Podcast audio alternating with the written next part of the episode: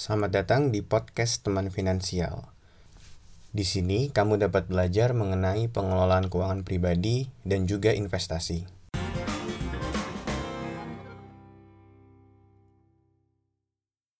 Pada podcast kali ini, gue mau bahas salah satu instrumen investasi yang mungkin sering dibicarakan atau dicari sama teman-teman di sini. Ya, investasi yang mau gue omongin pada podcast episode kali ini adalah saham suatu perusahaan. Mungkin lo pas buka sosial media atau berita online, lo sering banget ngeliat saham perusahaan ini sedang melejit karena performanya lagi bagus. Atau mungkin di tahun 2020, lo lihat di awal tahun di sekitar bulan Maret ketika kasus COVID mulai muncul di Indonesia, lo melihat berita bahwa pasar saham sedang mengalami anjlok yang sangat dalam. Nah, mungkin lo setelah lihat berita-berita ini, lo jadi tertarik buat mulai berinvestasi saham. Tapi sebetulnya saham itu sendiri apa sih? Jadi, saham itu adalah sebuah bukti penyertaan modal suatu perusahaan atau sederhananya adalah pemilik saham adalah orang yang menyertakan modalnya untuk suatu perusahaan atau bisa dibilang sebagai pemilik suatu perusahaan. Nah, jadi kalau lu membeli saham, sebetulnya lu menjadi bagian dari pemilik suatu perusahaan. Let's say ketika lu membeli saham perusahaan Bank BCA, ketika lu punya saham Bank BCA, maka sebetulnya lu sudah menjadi pemilik dari perusahaan Bank BCA. Kenapa bisa begitu?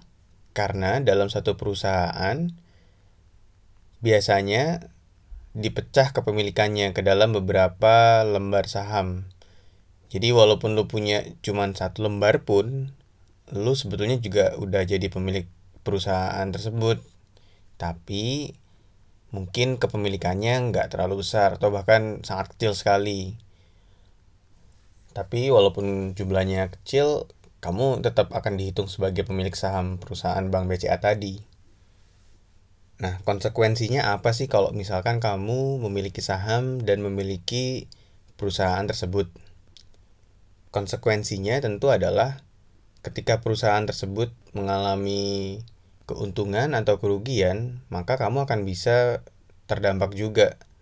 Let's say kalau misalkan perusahaan tersebut mengalami kerugian dan let's say perusahaannya tutup, maka kamu juga akan kehilangan sahammu karena perusahaan tersebut ikutan tutup.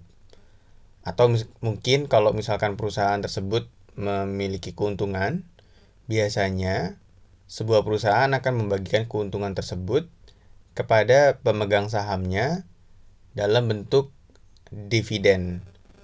Dividen ini nantinya akan dibagikan berdasarkan jumlah lembar saham yang dimiliki oleh semua pemegang saham. Jadi walaupun kamu cuma punya sedikit sekali bagian dari saham perusahaan tersebut, kamu akan tetap dapat keuntungannya. Nah, seperti yang tadi sempat beberapa kali gue singgung, saham ini biasanya didefinisikan dalam lembaran saham.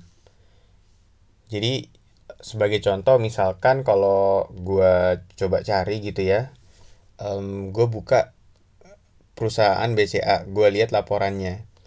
Di sini kelihatan kalau jumlah lembar saham BCA secara keseluruhan itu adalah 2 miliar sekitar 2 sampai 3 miliar lembar saham. Jadi kalau misalkan lo membeli cuman let's say 100 atau 200 lembar saham BCA, lo udah jadi bagian dari pemilik bank BCA tadi. Walaupun jumlahnya kalau lo bandingin 100 atau 200 lembar dibanding sekitar 3 miliar lembar saham ya kecil sekali porsinya. Tapi against tetap lo udah jadi pemilik bank BCA. Nah, perusahaan-perusahaan terbuka seperti Bank BCA atau mungkin Bank BRI atau mungkin Telkom yang sudah statusnya PT atau perusahaan terbuka biasanya biasanya akan menjual sahamnya ke publik. Nah, kenapa sih perusahaan-perusahaan seperti ini mau menjual sahamnya ke publik? Jawabannya simpel sih. mereka butuh modal yang tidak membebani keuangan perusahaan. Karena kalau misalkan mereka mengambil utang sebagai salah satu alternatif pembiayaan atau permodalan mereka, maka utang tersebut akan membebani keuangan perusahaan karena perusahaan tersebut wajib membayar pokok dan juga ada bunga dari pinjaman tersebut. Makanya kadang perusahaan memilih untuk menjual bagian dari lembar sahamnya untuk bisa mendapatkan permodalan. Nah, kalau misalkan lu pernah dengar berita tentang startup, ketika mereka mendapatkan pendanaan, sebetulnya yang mereka lakukan tuh adalah menjual lembar saham mereka. Jadi mereka bukannya dapat uang gratis kalau misalkan lu mikir wah perusahaan startup ini dapat uang gratis. No. Tapi mereka justru menjual bagian dari lembar saham mereka. Nah kalau startup tadi biasanya dibeli secara private atau biasanya perusahaan-perusahaan yang berinvestasi ke startup itu membelinya langsung ke perusahaan tersebut. Ada alternatif lain yang biasanya dilakukan oleh perusahaan terbuka atau PT di mana mereka biasanya menawarkan sahamnya langsung ke publik, di mana publik bisa membeli dan menjual sahamnya secara bebas melalui pasar atau bursa saham. Jadi perusahaan-perusahaan terbuka tersebut biasanya akan mendaftarkan diri ke bursa saham untuk melisting atau mencatat sahamnya untuk bisa diperdagangkan di bursa saham. Nah, masyarakat biasanya bisa memiliki suatu saham perusahaan ini dari bursa saham tersebut. Jadi masyarakat akan mendaftarkan diri ke bursa saham, kemudian mereka bisa membeli saham-saham perusahaan yang memang sudah melakukan pencatatan di bursa saham. Pada bursa saham sendiri, saham suatu perusahaan biasanya dijual dalam satuan uh, lot. Jadi kita nggak bisa beli cuman satu lembar saham perusahaan kalau di Indonesia. Jadi ketika kita mau beli satu saham perusahaan, maka yang bisa kita beli minimumnya adalah satu lot. Satu lot itu sendiri apa? Satu lot sendiri itu adalah sejumlah 100 lembar saham. Jadi ketika kita mau beli saham perusahaan, minimal kita harus membeli 100 lembar saham atau satu lot.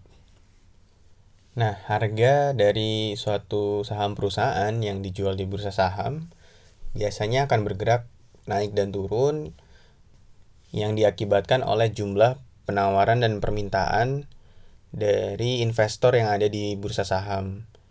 Biasanya penawaran dan permintaan ini dipengaruhi sekali oleh beberapa faktor. Jadi masih banyak lagi faktornya. Bisa dari performa perusahaan itu sendiri atau mungkin dilihat dari kondisi ekonominya atau mungkin ada berita yang memiliki sentimen tertentu gitu. Bisa jadi beritanya bagus atau jelek itu juga bisa mempengaruhi pergerakan harga suatu perusahaan.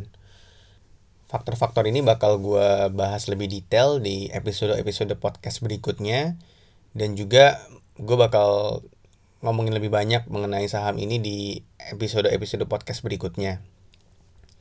Buat lo yang penasaran tentang saham ini juga bisa cek beberapa materi atau konten gua yang ada di Instagramnya teman finansial di @temanfinansial. Jadi lo bisa follow juga Instagramnya teman finansial dan mungkin kalau lo ada pertanyaan lo bisa juga DM langsung melalui Instagramnya teman finansial. Atau kalau misalkan lo mau menikmati konten teman finansial dalam bentuk video, lo bisa tonton dan subscribe di YouTube channel teman finansial gue bakal taruh link buat ke Instagram dan YouTube channelnya teman finansial di deskripsi di bawah ya. Terima kasih sudah mendengarkan podcast teman finansial pada episode kali ini. Semoga hal, hal yang gue share kali ini bisa membantu kalian. Kita akan berjumpa di episode podcast teman finansial selanjutnya. Terima kasih.